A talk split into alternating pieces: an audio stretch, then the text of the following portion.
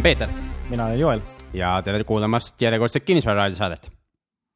järjekordne nädal on möödunud ja, ja nüüd on ka jaanipäev on möödas, nii et äh, mis siis toimunud on, midagi suurt?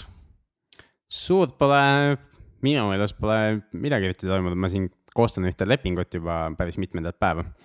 ja, ja, ja, ja selle leping on väga, väga, väga, väga oluline, aga ma arvan, et sellest lepingust me räägime kunagi hiljem, aga mis meil tänane teema on? tänane teema on raamatupidamine ja miks raamatupidamine, et äh, siin just äh, kukkus tähtaeg aastaaruannetele.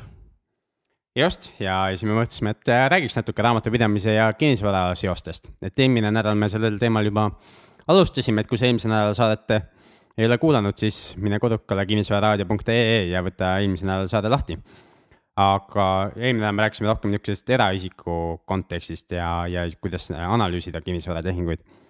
ja, ja selle algandmed tulevad ka tihti raamatupidamisest, aga täna me räägime siis, mis, mis see raamatupidamine nagu on ja, ja mis, mis tähtsus ja kuidas, kuidas seda siis rakendada kinnisvara kontekstis. jah, ja tänane saade on niimoodi, et meil külalist ei ole ja külalist ei ole sellepärast, et Peetril on endal päris pikk raamatupidamise kogemus just ja kui lühidalt rääkida minu sellest taustast, siis äh, raamatupidamisega ma puutusin enne kokku kui kinnisvara asjadega või ütleme enam-vähem samal ajal.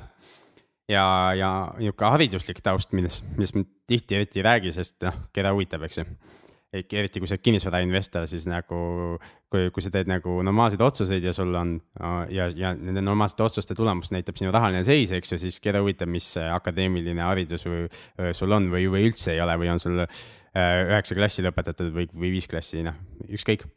aga raamatupidamise kontekstis nagu see võiks natuke oluline olla vähemalt see, mis haridus siis raamatupidajal on. Ja minu enda taust on see, et siis on lõpetanud Estonian Business School'i bakalaureuseõppe ettevõtluse ja ärijuhtimine erialal.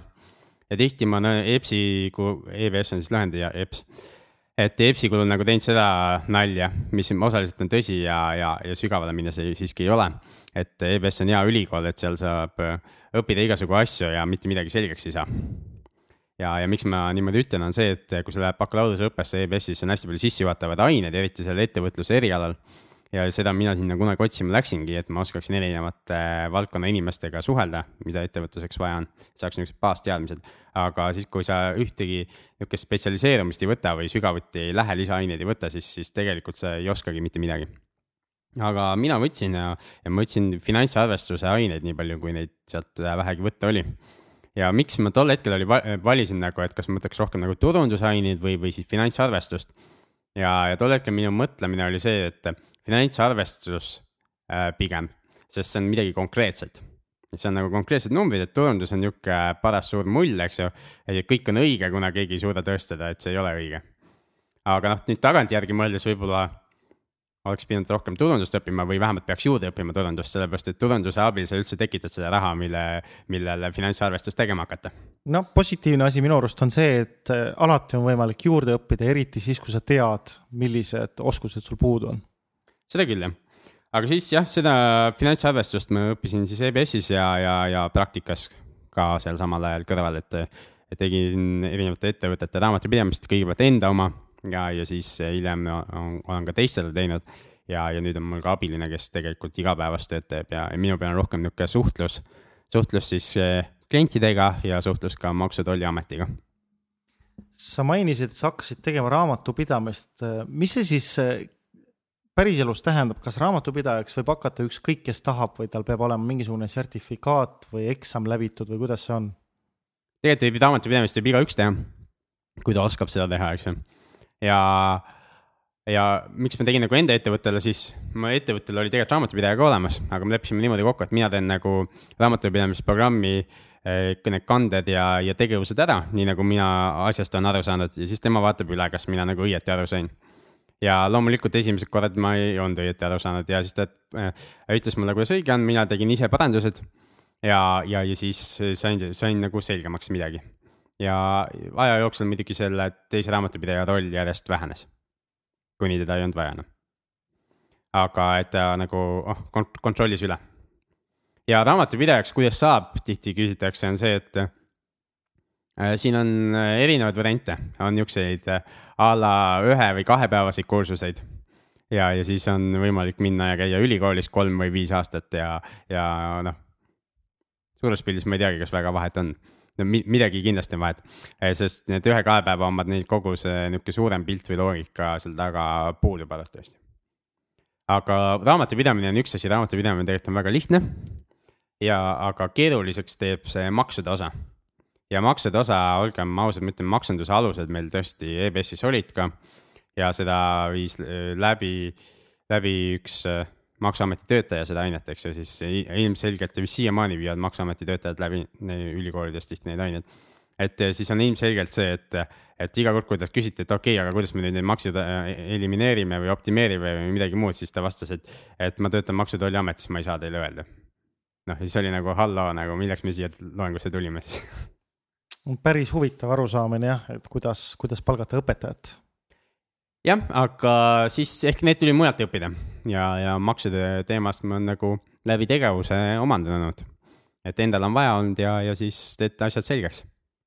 ja, ja küsid nõu muidugi, ma alati küsin nõu, et mis siis, et me ise pakume üks raamatupidamisteenust, siis meil on ka endal raamatupidajaid, kes, kes mingeid meie oma asju teevad.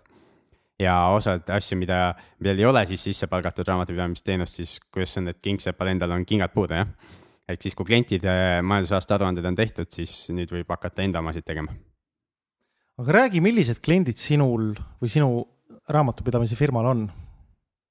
et äh, no meil on erinevaid kliente, enamus on ikkagi äh, niisugused väike või alustanud ettevõtjad ja mõni, mõni on ka juba, juba suuremaks kasvanud.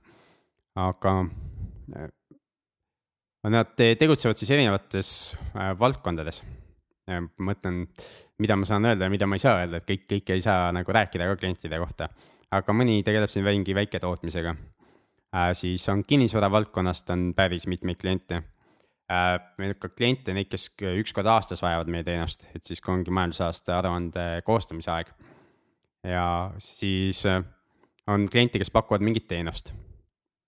ja, ja naljakas on vaadata, eks ju, osadel klientidel on see Eh, oleneb, mida nad teevad, eks ju, mis on, ongi väga loogiline.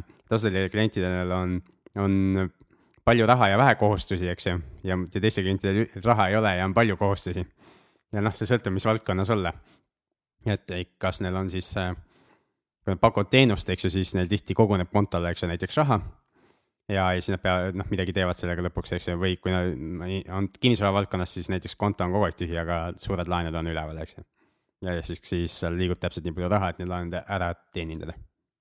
selliseid asju, kui sa tähele paned ja sul on oma arusaamine, et mis võiks olla mingisuguses olukorras võib-olla õigem lahendus, kas siis äh, sina või sinu firma kui raamatupidamisteenuse pakkuja, kas teie siis teete ka mingisuguseid soovitusi oma klientidele, et kuidas mingisuguses olukorras käituda mm,? mida sa täpsemalt silmas pead?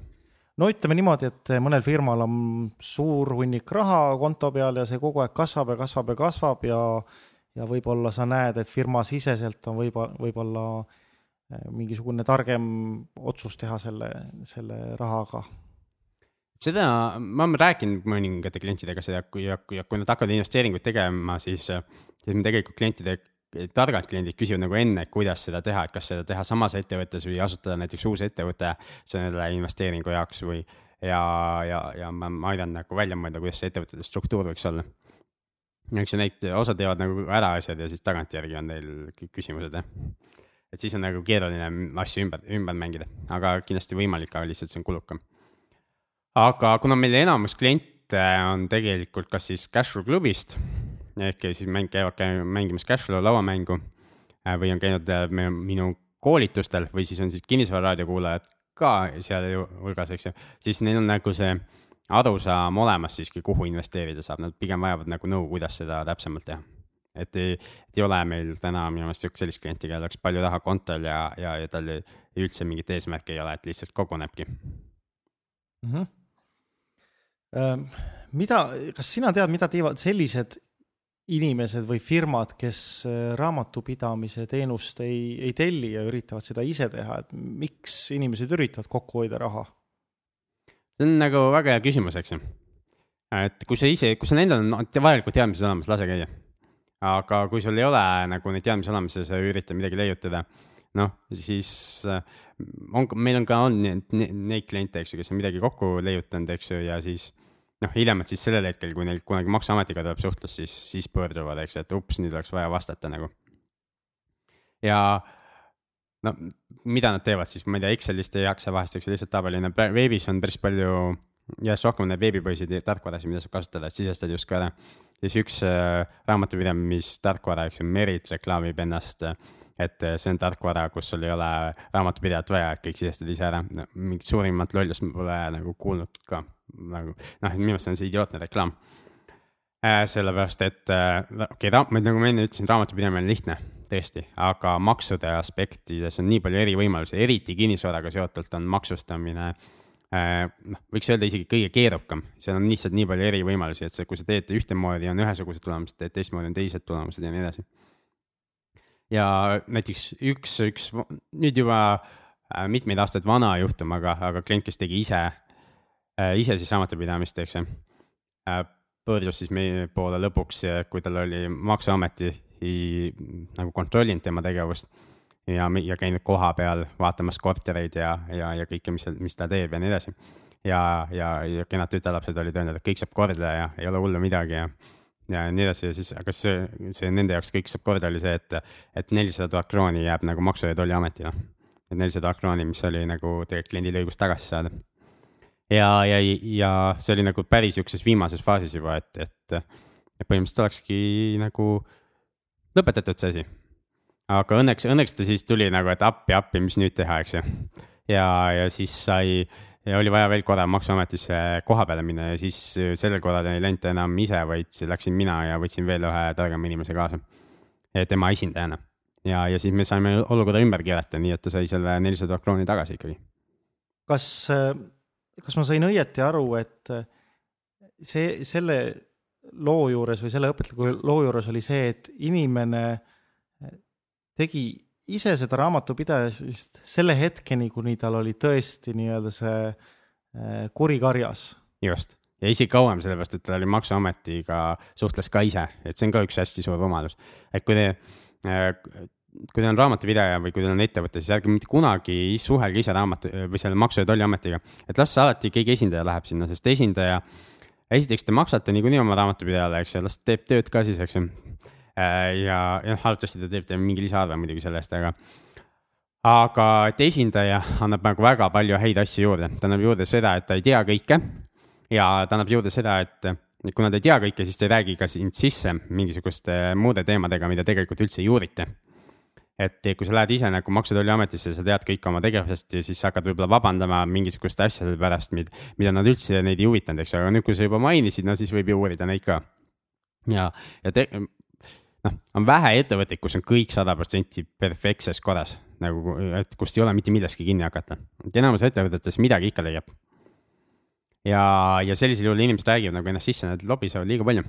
ja siis minu või, või siis sinu raamatupidaja ülesanne on siis minna ja vastata ainult nendele küsimustele, mis on, vastata lakooniliselt äh, kui ta ammendavalt, eks ju, ja mitte, mitte siis anda mingisugust, ma ei tea, muud lisainfot või lisa mingisugust jama, mida, millest tahaks kinni hakata. ja päris paljudele küsimustele tihti esmakohtumisel ma lihtsalt vastan, ma ei tea. aga kui see on oluline, siis uurin välja järgmiseks korraks. jah, et kui, kui sina ise lähed ennast esindama, siis kui sa ütled, et ma ei tea. ja lihtsalt tundub naljakas natuke. jah, siis on jah, teki-, tekivad, eks ole, sellised päris, päris fundamentaalsed küsimused, et kui sina ei tea, et kes siis teab just, kui sa oled juhatuse liige, kes peaks teadma nagu neid asju. noh, muidugi see võib ka olla loog mingi loogika, eks et sa ei tea, et raamatupidajad peavad küsima, eks ju, aga aga pigem nagu sa tead või hakkad siis rääkima mingisugust muinasjuttu sinna juurde, eks ju, või noh, ma räägin, nimetan see muinasjutuks, aga see reaalelu lugu, kuidas need asjad olid, kes kellele mida tegi, eks ju. no see ei puutu asjasse, eks ju. ja, ja, ja tihti, mis siis saab, kui ma ütlen, et ma ei tea, mis sa arvad, mis saab Joel? Äh, tähendab, kes sina raamatupidajana? mina kohtun äh, Maksu- ja Tolliametnikuga, eks ju, ja, ja ta küsib mu käest midagi ja ma vastan, et, et ma ei tea, et kui see on oluline, siis uurin järgmiseks korraks välja no siis ta ütleb, et kas see on oluline. kui on oluline, siis sa said lisaaega. ja kui ta ütleb, et ei ole oluline. noh, siis ei olnudki oluline. siis sa said lõpmatuseni lisaaega.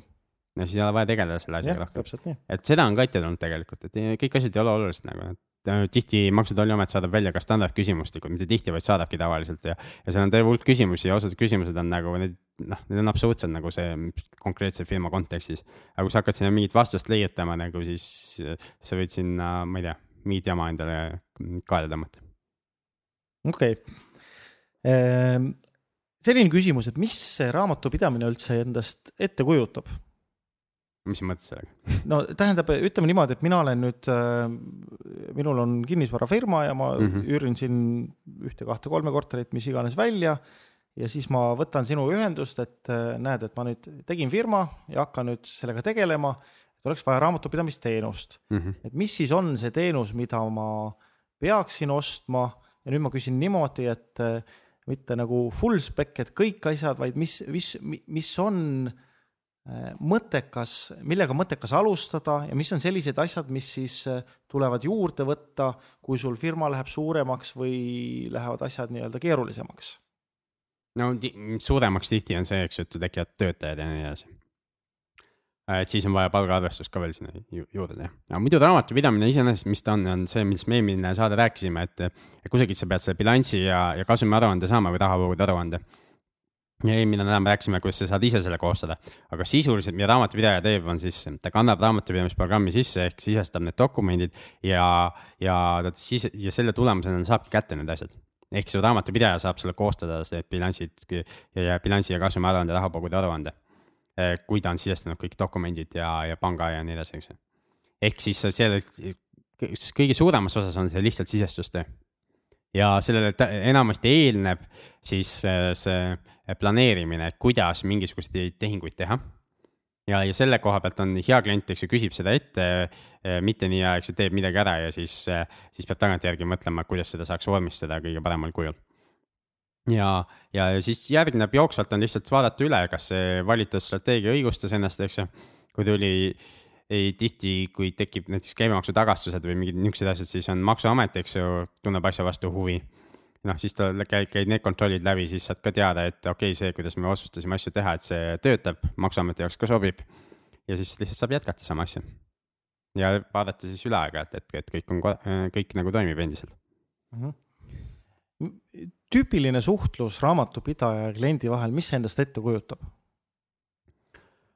Oh, nüüd on ideaalolukord ja raamatupidamise poole pealt vaadates ja reaalne olukord, jah. no, no räägi mõlemaid kontraste. ei no ideaalne on see, et eks ju, et a la noh, klient korjab oma dokumendid kokku, eks ju, teeb oma tehingud ära, eks ju. noh, kui ennem planeeritud ka, kuidas ta teeb, teeb, eks ju, jooksvalt, et ta lihtsalt teeb need asjad ära ja toob ükskord kuus kõik dokumendid raamatupidajale, raamatupidaja sisestab ära ja, ja nii-öelda ütleb, mis tulemus on, eks ju. reaalsus tegelikult on see, et, et tavaliselt on mingid dokumendid kadunud ja enamus raamatupidaja aega läheb selle peale, et tuletada kliendile meelde, et, et sul on see dokument, see dokument, see dokument puudu või ja, ja, ja siis noh, meelde tuletada lihtsalt, kuni need dokumendid kätte saab. see on huvitav, see saade, sina räägid enamus asjadest, aga nüüd on selline teema, millest mina suudan ka kaasa rääkida, et see, minul on palgatöö on ka ja minul on aeg-ajalt on igasugused komandeeringud ja kulud mm. -hmm. ja siis, kui on kuu lõpp siis ma tavaliselt ma olen üritanud raamatupidajale kõik need tšekid viia, aga siis iga kuu tuleb meil puuduvad tšekid, selline, selline, selline, selline summa ja sellises kohas on midagi ostetud või kulutatud. et eh, ilmselt sa rääkisid sellest. just, ja see on kõige suurem ajakulu nagu raamatupidajale üldse. et see on kõige suurem ajakulu. et see on, sest tihti tuleb oodata mingisuguseid asju väga pikalt ja siis äh, no me tuletame korduvalt meelde, eks ju, ja aga noh, kui kliendil on ikka väga kiire ja on vaja muid asju teha, noh, okei okay,, no ise tead, eks ju, lõpuks on äh,, vähemalt Eestis on see, et seadusandlus äh, tegelikult ütleb, et juhatuse liige vastutab kogu selle äh, raamatupidamise eest ja see, et see kõik korras oleks, eks ju. ehk äh, minul kui raamatupidajal tegelikult ei ole mitte mingisugust äh, vastutust. ja selle tõttu ma võin, noh, eks tuletan sulle meelde ja noh, lõpuks võtan siis ka vabalt, eks ju et selle tõttu tegelikult siin hiljuti sai ka veel osadele ettevõtetele alles kaks tuhat kümme aasta aruanne nagu koostatud, mis oleks pidanud siis aasta aega tagasi valmis olema. kuna lihtsalt varem ei olnud sellel ettevõtte omanikul aega oma emaili postkastis surfata ja neid puuduolevaid dokumente üles otsida.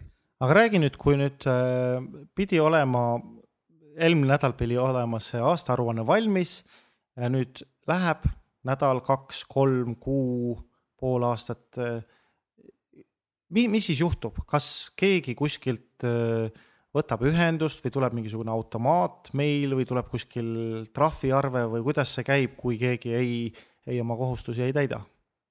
ma enne võib-olla, kui me aastaaruandest räägime, räägiks natuke veel sellest kinnisvaraalasest raamatupidamisest okay.. et, et kinnisvaraalane raamatupidamine võib tähendada mida iganes ja, ja mida ma mõtlen selle all. et suures pildis ma enda jaoks mõtlesin või kuidas ta nagu jaguneb, on see, et üks on see, kui sa arendad midagi, mis raamatupidamine siis välja näeb. teine hoopis midagi muud on ta siis, kui sa lihtsalt haldad seda objekti. ja, ja kolmas asi on noh, müük seal lõpus, eks ju mm. -hmm.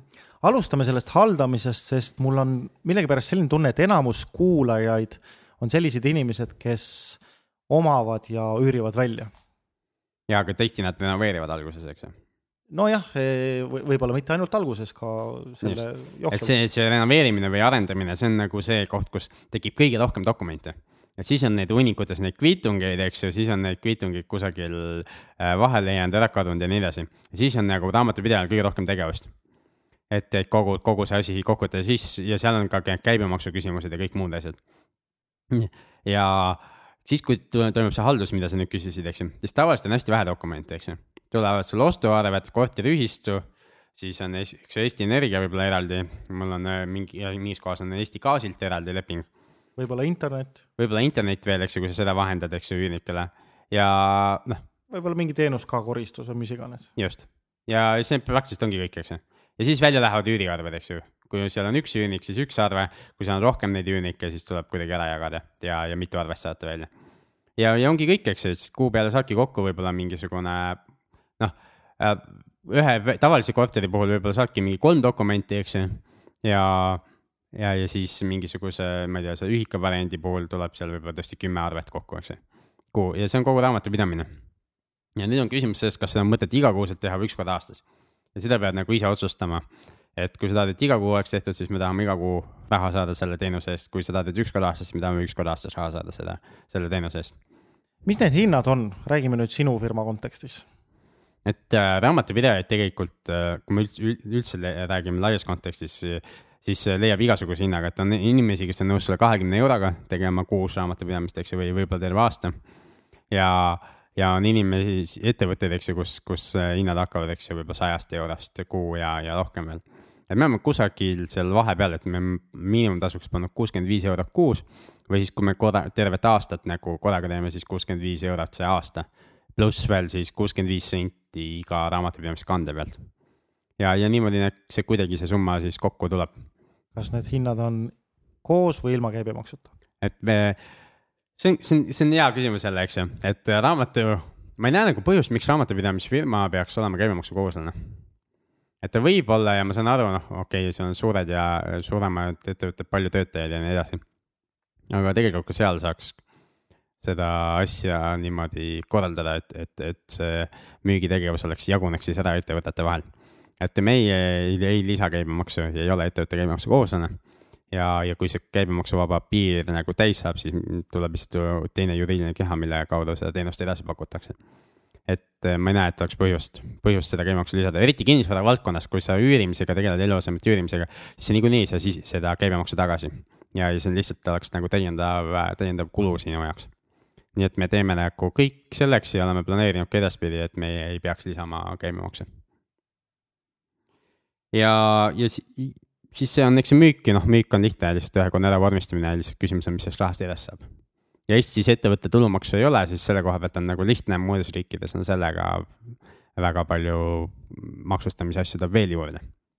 Eestis on ainult käibemaks nagu, mille, mida peab arvestama. aga nüüd võiks aastaaruannetest vist rääkida, jah? jah räägi, oli, oligi küsimus, mul juba tekkis, et eh, või jah, võtame selle küsimuse hiljem, et mis mis see aastaaruanne üldse on, et ma olen, ma olen päris, päris mitmeid neid näinud, olen näinud sellised, mis on võib-olla kuus-seitse lehte ja siis on sellised, mis on ikkagi sadades lehtedes ja seal on teksti ja igasuguseid graafikuid ja muid asju on päris, päris palju. et ke, kelle, kellele seda üldse tehakse? esimene asi ongi täpselt väga õige küsimus, mis küsisid, et kelle jaoks seda üldse tehakse et kui sul on sajad leheküljed, eks ju, siis sa arvatavasti räägid äh, börsiettevõtetest. kus, kus siis tehakse seda potentsiaalsetele investoritele, kes peaksid siis saama igakülgse informatsiooni sealt aruandest, et nad saaksid teha oma investeerimisotsuse ja et nad julgeksid osta selle ettevõtte aktsiaid börsilt. börsi, börsifirmadega on isegi selline asi, et eh, neid aruandeid tehakse iga kvartal. just, ja iga kvartal on niisugune lihtsustatud aruanne ja, ja siis üks kord aastas on ikkagi see põhjalik aruanne. jah. Ja, ja, ja, noh, seal on õigustatud see, et seal peab olema palju informatsiooni. siis teine äärmus on see, et sul on oma ettevõte, sa oled sada protsenti omanik ja, ja sa tegelikult tead niikuinii, mis su rahaline seis on. ja siis tekib küsimus, et milleks üldse seda aastaaruannet vaja on. ja nagu me kevadel USA-s käies ka õppisime, eks ju, mida mina ka enne ei teadnud, et, et seal on mitmetes osariikides üldse on ka, ma siin ei saanudki täpselt aru, kas lihtsalt ei koostata või on isegi keelatud aastaaruande koostamine. ehk et loetakse, et privaatsus on olulisem kui see, et keegi kolmas teab, mis sinu ettevõttes toimub jah, et kui nüüd mõelda, et kellele sa seda, seda teed, üks on see, et kui sa tahad oma ettevõtet müüa, siis sa paned sinna võimalikult palju sellist informatsiooni, mis teeb su ettevõtte atraktiivseks, eks ole. nii nagu börsifirmad teevad. jah, aga teine on jälle see, et mida rohkem sa sinna detaile paned, seda rohkem sinu konkurendid teavad sellest, mida sina teed. ja see ei ole alati hea asi ei ole ja, ja kui sa oled väike ettevõtja või see ei pea olema väike ettevõte ka, see võib olla väga suur ettevõte ka, eks ju, et kui sul on üks asi, mida sa koostad nagu omanikele, eks ju, aga see majandusaasta aruanne, millest me räägime, mis läheb äriregistrile, see on tegelikult ju äh, kolmandatele osapooltele vaatamiseks ja need kolmandad osapooled peamiselt ongi sinu konkurendid. Ja siis võib olla veel Statistikaamet, eks ju, mis sellega midagi peale hakkab ja Maksu- ja Tolliamet, eks ju, kes, kes võib-olla uurib ka, mis, mis seal kirjas on. ja siis tekib küsimus, eks, et mis, mis seal siis olema peaks? jah, see oligi minu järgmine küsimus, et äh, kui nüüd keegi äh, võib-olla äh, on firmat asutamas või on asutanud firma ja ei ole veel seda aastaaruannet teinud, aga tekib huvi, et mis see sisu peaks olema, siis kus, kus seda uurida saaks, et mis see, mis see seadus nõuab selle sisu kohta?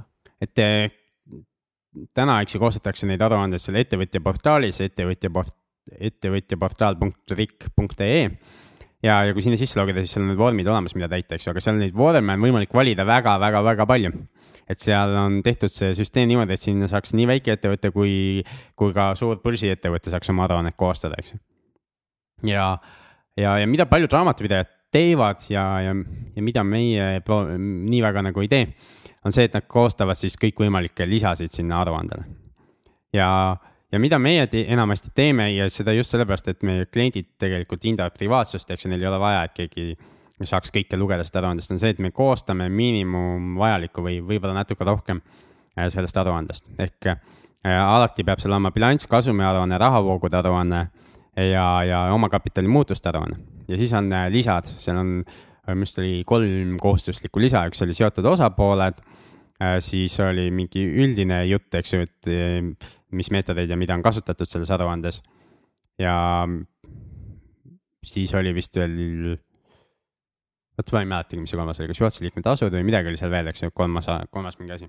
seal dividendidest ka juttu on äh,? Kuigi ei ole makstud, siis ei ole seal midagi juttu sellest, eks mm. -hmm. ja, ja siis on terve hulk muid lisasid, eks ju, sa saad täpselt täpsustada, millised laenud on, kustkohast need tulnud on saad kirjutada, millised varad on, mis hinna, hinnaga, eks, hinnaga sa need ostsid, eks ju, ükshaaval välja tuua. või noh, bilansis on kogumina välja toodud, eks ju, aga sa võid tuua välja ükshaaval, et ostis see korter, teine korter, eks ju. see, see on päris huvitav, kui sa selle tood välja, siis kõik sinu konkurendid näevad, et mis hinnaga sa oled ostnud oma kortereid. jah, näiteks, eks ju. Noh, ja see võib olla okei okay, konkurendid, eks ju, aga kas on vaja üldse kellelgi teada, et see on korter? et ma võib-olla lihtsalt põhi, panen sinna põhivara ja kõik, eks ju, ja noh, pole sinu asi, mis, mis mul on, eks ju ja, ja, ja, ja selles suhtes paljud raamatupidajad täidavad nagu neid lisasid terve hulga. ja ka see ei ole nagu, ei ole vajalik tegelikult ja, ja ma eelistan nagu ise seda, et, et, et võimalikult üldiselt panna see info, täita need nõuded ära, mis, mis on nõutud aga mitte anda rohkem, sellepärast et tõesti suvalised inimesed, eks lähevad. see võib-olla, kui sa kuulad meie saadet, eks võib-olla sul tekib huvi, et huvitav, mis see Peeter teeb, eks ju, ja lähed ja võtad minu ettevõtete aastaaruandet. noh, et äh, noh, palju õnne, et tihti on seal tõesti üsna, üsna üldiselt nagu kogu, kogu see info olemas. kui nüüd keegi tahab vaadata tõesti kellegi või mingi ettevõtte aastaaruannet, siis äh, kus koha pealt ta selle näeb? Et ärireg-, äriregister.ric.ee läheb sinna, valib ettevõtte välja, küsi-, ütleb, tahan aastaaruannet, maksab oma paar eurot ära ja saabki kätte selle. et see on väga-väga lihtne, on kellegi aastaaruannet saada. nüüd üks küsimus veel aastaaruannetega mis tundub nagu, et on lihtne vastus, aga ei pruugi olla, on see, et kui kiiresti aastaaruannet teha üldse et mis tähendab, kui kiiresti, kas siis, kui kaua sul see aega võtab või mis sa selle kiiresti all mõtled? mõtlen selle all seda, et, et aastaaruannet põhimõtteliselt saab esitada ju ka esimesel jaanuaril eelmise aasta kohta. ja ma olen kunagi teinud ka seda, siis kui uus süsteem tuli, ettevõtja portaali süsteem tuli, siis ma tahtsin kohe, eks ju, teada, kuidas see asi töötab, et oma klient, klientidele küsimustele vastata. siis esimese aastaaruande tegin kohe esimesel jaanuaril ära. et, et esitasin ära selle ühe ettevõtte kohta. ja, ja mingid raamat kui ma kusagil mainisin seda, siis mingi raamatupidajad ütles, et kuidas sa saad, eks ju, et ettevõttel ei ole ju veel teadagi igasugu infot ja nii edasi. no ma ei tea, osa raamatupidajad elavad kusagil pilves, et, et kõikidel ettevõtetel on mingit hullu tegevust. et tegelikult on ju terve hulk ettevõtteid, millel ei toimu mingisugust erineva, erilist tegevust või ja, ja need asjad on väga kiiresti teada, eks ju, noh, mul oli üks niisugune ettevõte, siis selle aruande koostasin ära ja esitasin ära. ja sain teada, kuidas see asi töötab aga kui ma räägin kiirusest, siis eks ju seadus ütleb, et kolmekümnendaks juuniks ehk kuus kuud peale majandusaasta lõppu peaks ära esitama selle. ja siis tekib küsimus, et millal seda teha, kas siis esitada see veebruaris, märtsis, aprillis, mais või panna kolmkümmend juunis või jätta hoopis juuli lõppu näiteks või septembrisse või oodata aasta.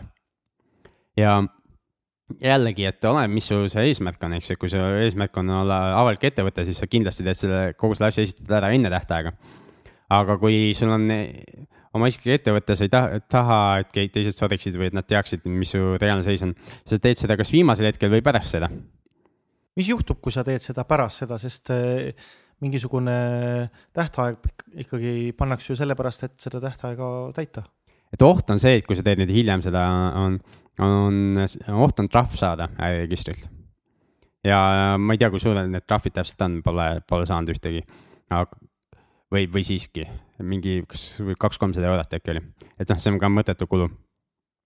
aga, aga noh, et see on trahvi oht nagu aga trahve minu arust need viimas, äriregister teeb kuidagi hooti, et vahest nad teevad nagu väga kiiresti, vahest nad mõne ettevõtte puhul on nagu, nagu ma ütlesin, ühe kliendi puhul oli mingi aasta aega hiljem esitati aruanne, eks ju, peale tähtaega. ja polnud ühtegi hoiatust ega trahvi, mitte midagi tulnud selle aja jooksul, eks. et ma ei tea, mille järgi nad seda valivad. aga, et oht on siis see trahv saada ja, ja muud midagi. ja tihti, tihti ei juhtugi mitte midagi. ja üks asi veel, mida mõned inimesed, eks ju, ootavad, on see, miks aruannet ei esitata, on, on see, et ettevõtet pole vaja enam ja ise likvideerimine, noh, see võtab aega ja, ja, ja nõuab erinevaid tegevusi, siis kui sa piisavalt kaua ootad, siis äriregister lõpuks saadab sulle kustutamishoiatuse. sa ikka mitte midagi ei tee, oma aruannet ei esita, siis lõpuks kustutabki ära ja ei oled ka oma ettevõttest lahti saanud, ilma et sa oleks pidanud ise mingeid tegevusi tegema aga no. minu enda ettevõtted tihti on nagu saavad peale tähtaega esitatud aruanded ja siin on nagu mitu põhjust, esiteks mul ei ole kiiret, eks ju. nagu ma ütlesin, eks ju, privaatsus kaalub selle nagu üle. aga teine põhjus on ka see, et me tõesti koostame äh, aasta algusest saadik klientidele aruandeid ja muid asju ja enda omad jäävad lihtsalt kõige viimaseks. siis, kui on kõik muu on tehtud, siis jõuame enda omade juurde. väga hea teada. kas sa võiksid öelda, mis on sellised tüüpilised head ja vead, mis on sellised head tavad, mis aitavad sinul ja kliendil eh, nii-öelda seda suhet heana hoida ja mis on sellised asjad, mis on tüüpilised sellised ämbrid, mis tekitavad halli juukseid ja, ja mõttetu, mõttetut aja rais-, raiskamist?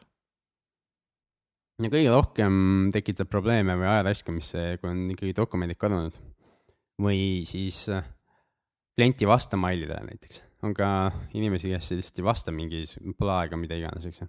ja ühest küljest me püüame mõista, aga teisest küljest see nagu takistab äh, tegevuste tegemist, eks ju eriti kui on veel käibemaksukohuslane ettevõte ja sa tood oma dokumendid ära näiteks üheksateistkümnendal ehk jätad nagu, et ühe päeva jooksul peaks saama sinu ettevõte ka veel tehtud ja, ja käib ja kõik summad välja arvutatud ja siis sa tahad teada, palju, palju sa Maksuametile pead maksma või tagasi saada, eks mm. -hmm. et siuksed asjad nagu viimasel hetkel siis tekitab seda, et on, ongi aeg-ajalt öö, öö vastu, üheksateistkümnes vastu kahekümnes, eks ju, öösel nagu umbes noh, pool ööd läheb veel mingisuguste asjade tegemisele, sest dokumente pole lihtsalt varem võib-olla mõni kuulaja ei tea, et mis, miks see üheksateistkümnenda öö on selline keeruline mis, mis, et kahekümnendaks, iga kuu, kahekümnendaks tuleb siis eelmise kuu kohta käibedeklaratsioon esitada ja käibemaks ära maksta, kui ei taha, et viivised tekiksid.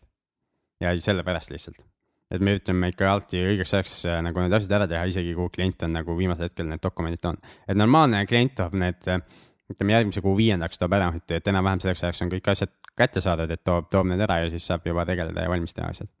aga noh, juhtub. mul läheb aega, mul läheb veel kauem aega kui kahekümnendani, et saada selgeks, et mida see eelmine kuu tegi aga kadunud dokumendid on jah, kõige suurem nihuke takistus ja, ja iseenesest see ei ole isegi takistus, et nad kadunud on, sest alati saab võtta vastu mingi otsuse. et otsuse näiteks, et sa äh, juhatuse liige, eks ju, hüvitab ettevõttele selle summa, eks ju. või siis, et selle summa pealt makstakse erisoodustust, eks ju. Äh, või siis sa noh, mingi otsuse saab vastu võtta ja siis saab ka edasi liikuda. aga kõige hullemad on nagu need situatsioonid, kus midagi on puudu ja, ja mingit otsust nagu ka ei tule sest meie nagu kliendi eest ka ei saa otsustada, tema peab ikkagi ütlema, mida ta tahab teha jah, nagu sa ütlesid alguses, et lõppude lõpuks vastutab ikkagi klient täielikult. just, juhatuse liige vastutab kogu selle asja eest. me oleme lihtsalt tema tööriist, kes selle töö ära teeb. Räägime nüüd sellest, et kas on kunagi olnud ka selliseid olukordi, kus raamatupidaja paneb mööda ja hiljem siis selgub ja siis läheb mingisuguseks arvete klaarimiseks et äh, minu end, meie enda ettevõttes nagu ei ole olnud niukest. aga mis ju, jah. aga mis, ma olen kuulnud küll, et on olnud mingeid probleeme, aga see on tihti on, on, ma ühest juhtumist nagu tean, täpselt ei saa rääkida, aga see, aga see, seal oli nagu oma osa kliendil ka, et see klient äh,, klient siis tegi tehinguid mingisuguse teise enda, enda ettevõttega, mis asus teises riigis ja, ja kas küsis mingit käibemaksu sealt tagasi, kuigi tal tegelikult ei olnud seda tagasiküsimise õigust, eks ju. Mm. ja, ja, ja siis pärast süüdistas raamatupidajat, et miks sa mulle ei öelnud, et ma ei või tagasi küsida okay.. et noh, mingi, mingi niisuguseid juhtumeid nagu ma kuulnud. No ilmselgelt äh, me võime öelda, et raamatupidajaid on päris erinevaid, eks ole, on. seinast seina, täiesti seinast seina, eriti Eestis on segadus veel selle sõnavaraga ka, et kasutatakse sõna raamatupidaja no aga tegelikult, kui inglise keelt kasutada, siis on väga erinevad terminid, on, eks ju, bookkeeper ehk eesti keeles raamatupidaja assistent, kes sisuliselt ainuke asi, mida ta oskabki teha, on sisestada asju. ta ei tea maksudest nagu mitte tuhkagi. Aga terve hulk niisuguseid eh, inimesi ka pakuvad raamatupidamisteenust, et kui sa võtad Google'i või neti eh, lahti ja otsid raamatupidamisteenust, siis sul tuleb sealt sadade kaupa neid tegelasi, eks ju ja nad võiksid tõesti, tõesti töötada kellegi assistendina ja tegeleda selle sisestamistööga. aga, aga kui nad teevad seda kogu raamatupidamist, siis suure tõenäosusega nad noh, kui nad isegi õieti vormistavad asjad, siis nad ei tee seda kindlasti maksuefektiivselt. siis on olemas äh, accountant'id ehk siis ongi raamatupidaja ja, ja siis USA-s on nagu certified public accountant ehk siis keegi eh, raamatupidaja, kes, kes, kes siis oskab õpetada raamatupidajaid ja juhendada ja kes siis nagu teab natuke äh, kogu sellest maksuasjast ja, ja oskab nagu niisugust kõrgemal tasemel äh, nõu anda. aga Eestis on kõik üks raamatupidaja mm. -hmm ja, ja see ja, ja, ja isegi teenuse hind ei näita mitte midagi. et on olemas see, minu arust raamatupidajate kogu või midagi, olemas raamatupidaja mingi kutse-eetika või midagi nihuke dokument, mida ma kunagi lugesin, siis seal on äh, kirjas, et raamatupidaja peaks vastavalt oma siis sellele kutsepädevusele või vastavalt oma oskustele siis küsima tasu. aga noh, selle, selle organisatsiooniga ja selle eetikakoodeksiga nagu nii vähe inimesi liitunud tegelikult nendest raamatupidajatest. ehk et sa võid maksta nagu sada eurot kuus ja saada selle raamatupidaja assistendi otsa sattuda. Ja, ja sa võid maksta kakskümmend eurot kuus, noh, selles sa küll kedagi paremat kui raamatupidaja assistenti ei saa. aga midagi seal vahepeal, eks ju, ütleme kuuskümmend viis eurot kuus alates ja see on niisugune normaalne tase, selle eest peaks saama küll juba normaalse raamatupidaja.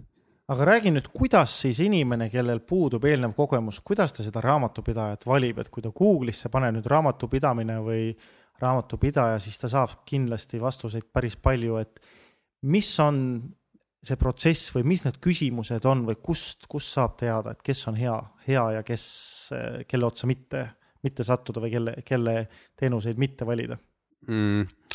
väga keeruline vastata, aga üks, üks asi, mida mina raamatupidajalt küsiks, on see et sõltub, mida ma teen, eks ju.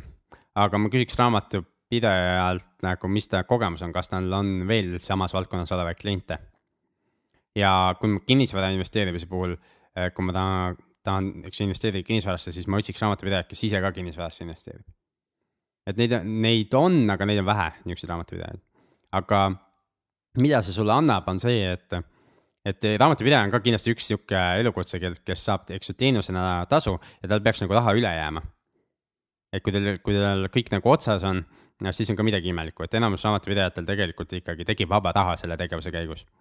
ehk nende kulud on väiksemad kui raamatupidamise teenuse pakkumisest saadav raha hulk ja siis nad investeerivad seda kuhugi. või, ja, ja kui nad investeerivad kuhugi, siis, siis üks koht on kinnisvara. Need on raamatupidajad kes lihtsalt väljastavad näiteks laene. ja, ja selle kaudu tekitavad lisasissetulekut, eks ju, või, või nad tegelevad aktsiatega või nad ostavad kuldhõbedat või midagi muud, eks ju aga raamatupidajad tegelikult äh, peak-, peaksid tegelema ka investeerimisega. aga seda saadki küsida ka raamatupidaja käest, kas, kas lisaks sellele, et sa seda äh, teenust, eks ju, pakud, kas sa investeerid ka oma raha kuhugi. Ja kui ta ütleb, et tal ei olegi raha, no siis ta on ka midagi valesti teinud.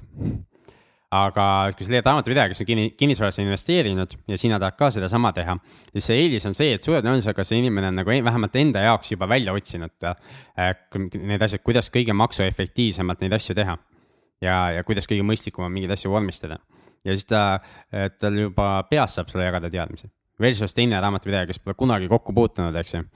Ja, ja siis ta peab hakkama uurima kõike seda või, või mis on tegelikult kõige hullem nende raamatupidaja assistentidega, kes on käinud siis kas ainult ülikoolis või ainult mingitel kursustel, siis neile on õpetatud igasugu lollusi ja, ja niisuguste raamatupidaja assistentide või nende inimestega ei ole isegi mul midagi peale hakata, ma ei, kui ma peaks kedagi niisugust palkama, siis, siis mul tekiks palju jama sellepärast, et neil on õpetatud igast lollusi, näiteks see, et äh, sularahatehingud on kahtlased. et ma ei tea, mis seal kahtlast on, eks ju, raha on raha. ja siis veel mingisuguseid igasugu asju, eks ju, et kui sul on noh, kviitungite osas, et need ei, mingid asjad ei sobi, eks ju. ja, ja siis nad ütlevad sulle, et midagi ei saa teha, et ettevõte saab kõike teha, ainult et mingitele asjadele on maksu tagajärjed eks ju, ma võin osta põhimõtteliselt oma riided ja oma toidu ka, eks ju, iga päev võin ka ainult ettevõtte kaardiga osta. aga siis tuleks järgmine kuu deklareerida ja maksta selle pealt tulu ja sotsiaalmaks ära ja ongi kõik korras. et ei ole sihukest asja, et ei saa teha, ikka saab, ainult et maksu tagajärjed võivad selle asjal olla.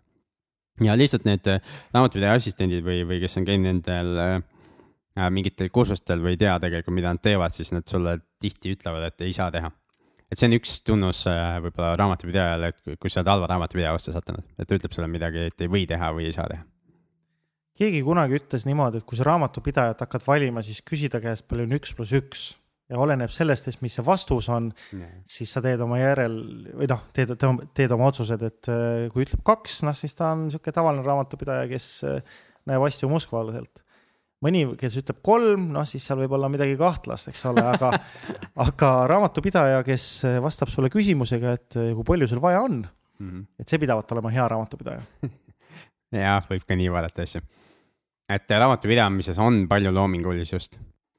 Et kuigi numbrid, eks ju, numbrid tuleb õieti kokku liita, aga kuidas neid numbreid nagu tõlgendada ja kuidas neid numbreid kasutada, nagu see, seal on tihti on erinevaid võimalusi.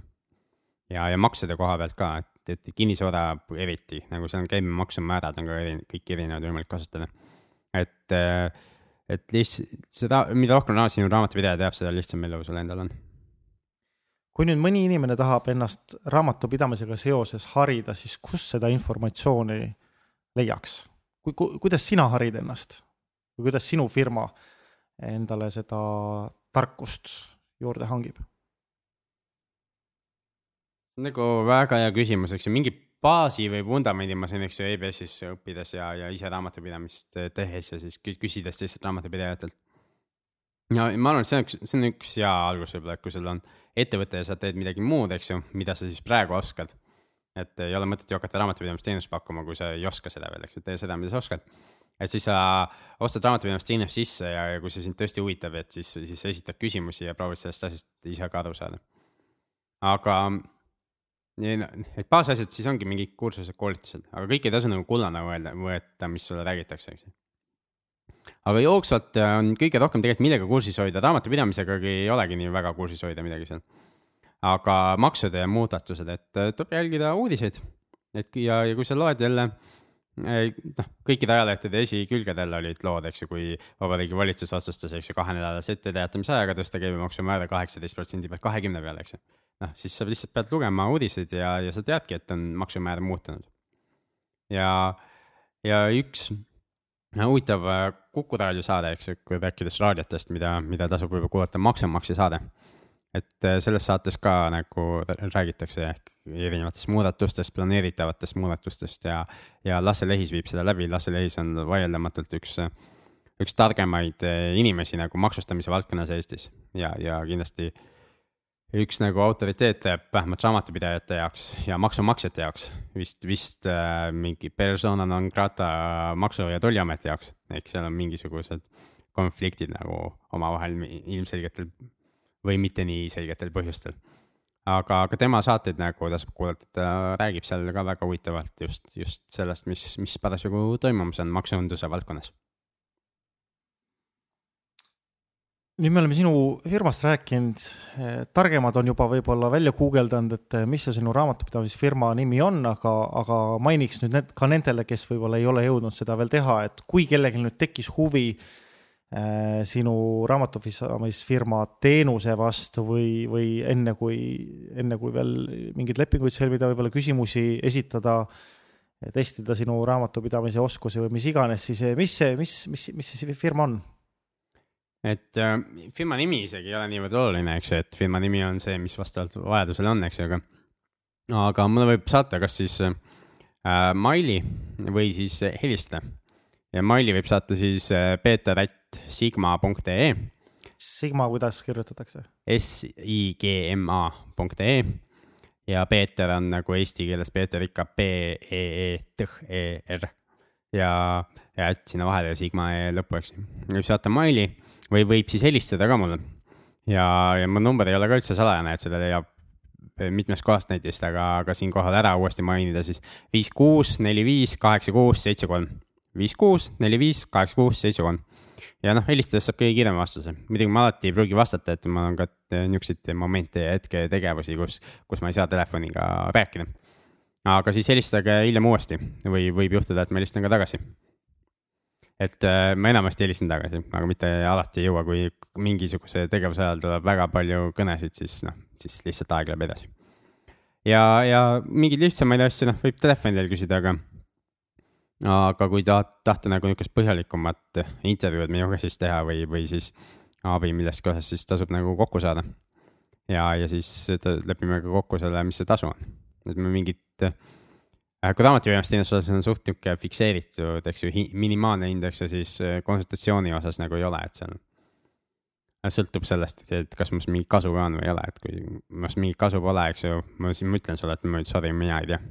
Ja, ja siis, siis ma ei küsi raha ka su käest. aga mulle helistatakse ikka nagu ja, ja, ja miks meil kodulehte näiteks ei ole? isegi mingi hetk midagi oli, aga see oli nii, noh, me ei jõudnud sinna midagi panna, siis kustusin ta parem üldse noh on see, et meil ikkagi enamus kliente tuleb läbi soovituste. või, või läbi selle, et nad on osalenud siis äh, minu koolitustel või, või siis Cashflow klubis või siis kuulanud seda kinnisvararaadiot, eks ju.